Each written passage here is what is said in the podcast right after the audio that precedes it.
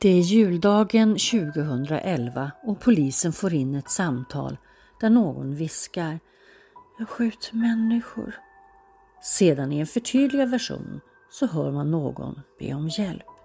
Detta var bara början av ett släktdrama som slutade med att alla dog.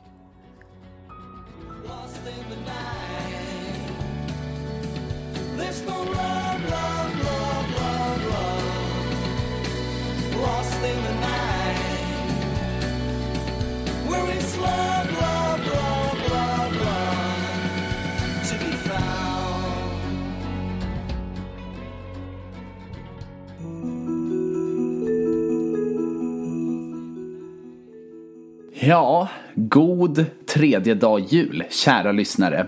Idag är det alltså det tredje avsnittet av Mellandagschill, vilket betyder att vi är halvvägs i mål med denna säsong.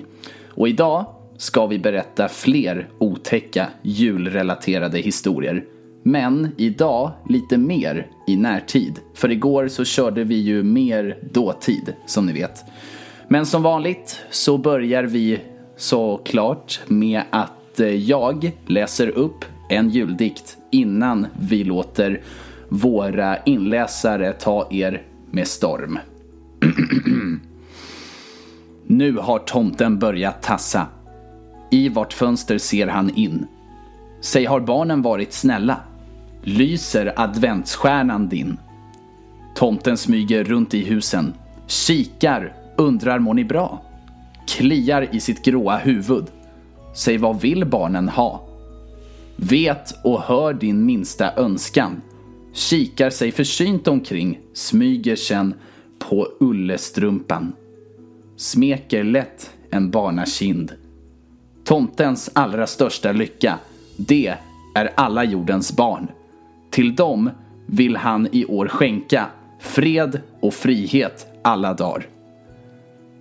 Men så grå och trött och sliten står han där i dammig vrå. Barnen tror ej mer på tomten. Ensam får han tassa på.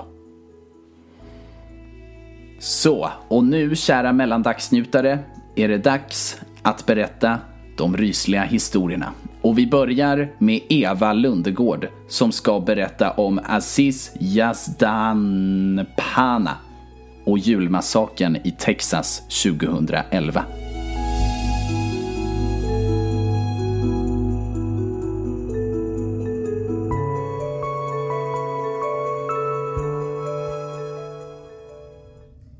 Det är den 25 december 2011 och Yassis Jastan Panah hade bjudit hem hans släkt för att fira jul.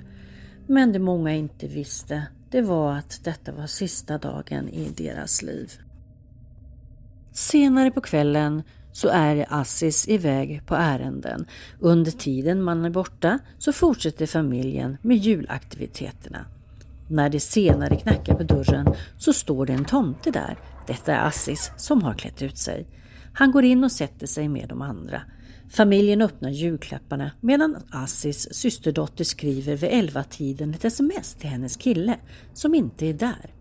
Så här. Så, vi är här har precis kommit hit och min farbror är här också, utklädd till tomte. Fantastiskt! Hon skrev senare, nu vill han bli faderlig och vinna hårets far. Detta något som tros utlösa det som komma skall.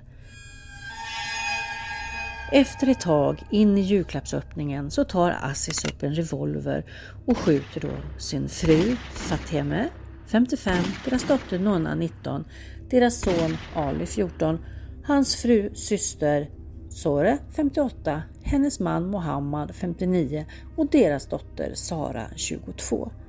Efter dådet så ringde Aziz 911. I samtalet hör man någon be om hjälp samt en man säga “Jag skjuter människor” innan han lägger på. Aziz avslutar sedan sitt eget liv genom att skjuta sig själv i huvudet. Polisen kommer till lägenheten inom tre minuter efter detta. Men vad var det egentligen Assis motiv? Enligt släkt och vänner så skulle Assis vara arg eftersom hans fru mådde bättre och var på väg att skilja sig från honom samt att familjen hade ekonomiska besvär. vilket därav kan ha utlöst detta brott.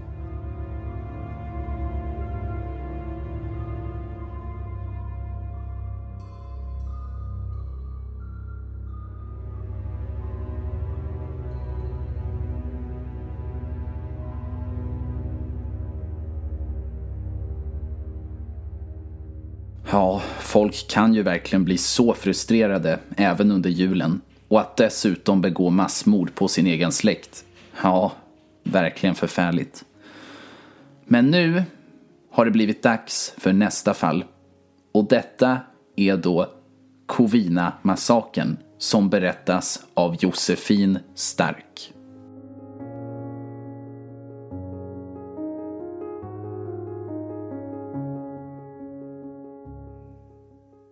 Det är den 24 december år 2008 och familjen Ortega har en julfest i Cavina, Los Angeles. Familjen sitter och avnjuter en julmiddag när det knackar på dörren.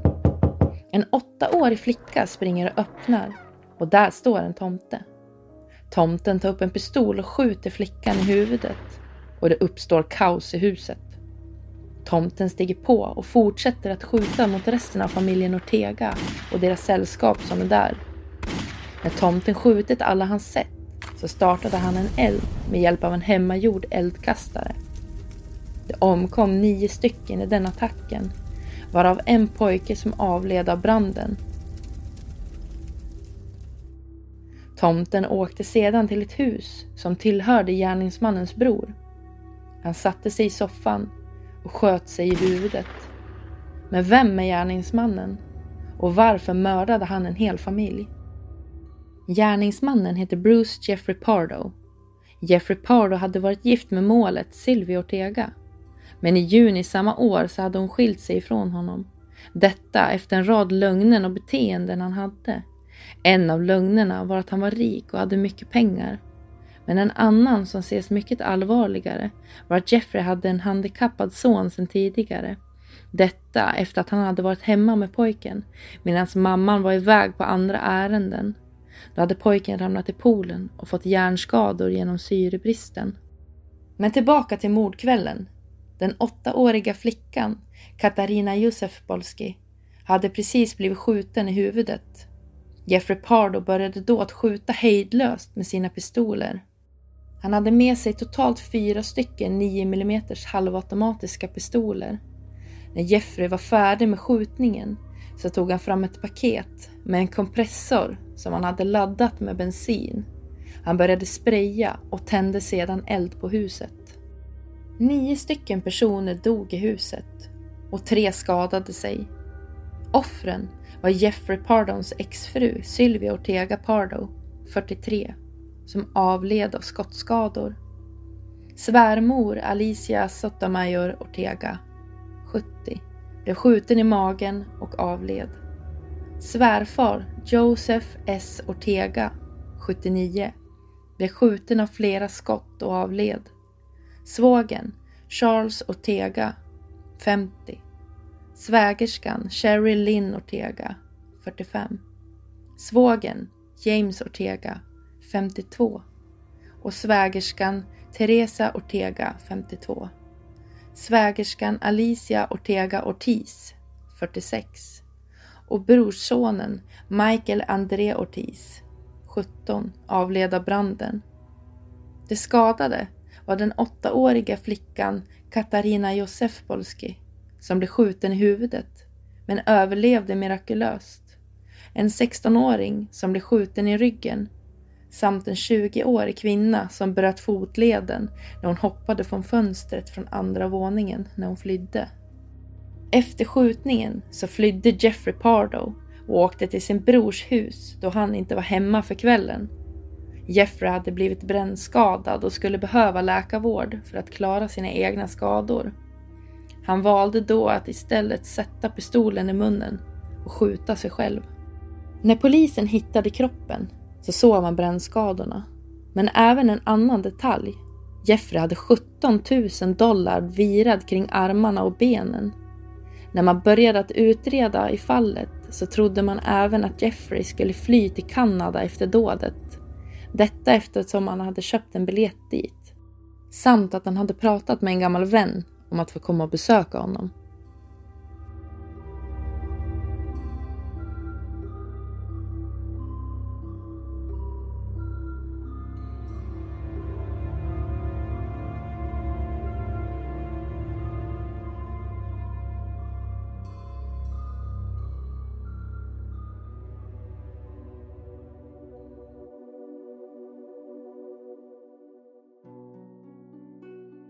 Ja, kära lyssnare. Detta var alltså då dagens sista historia.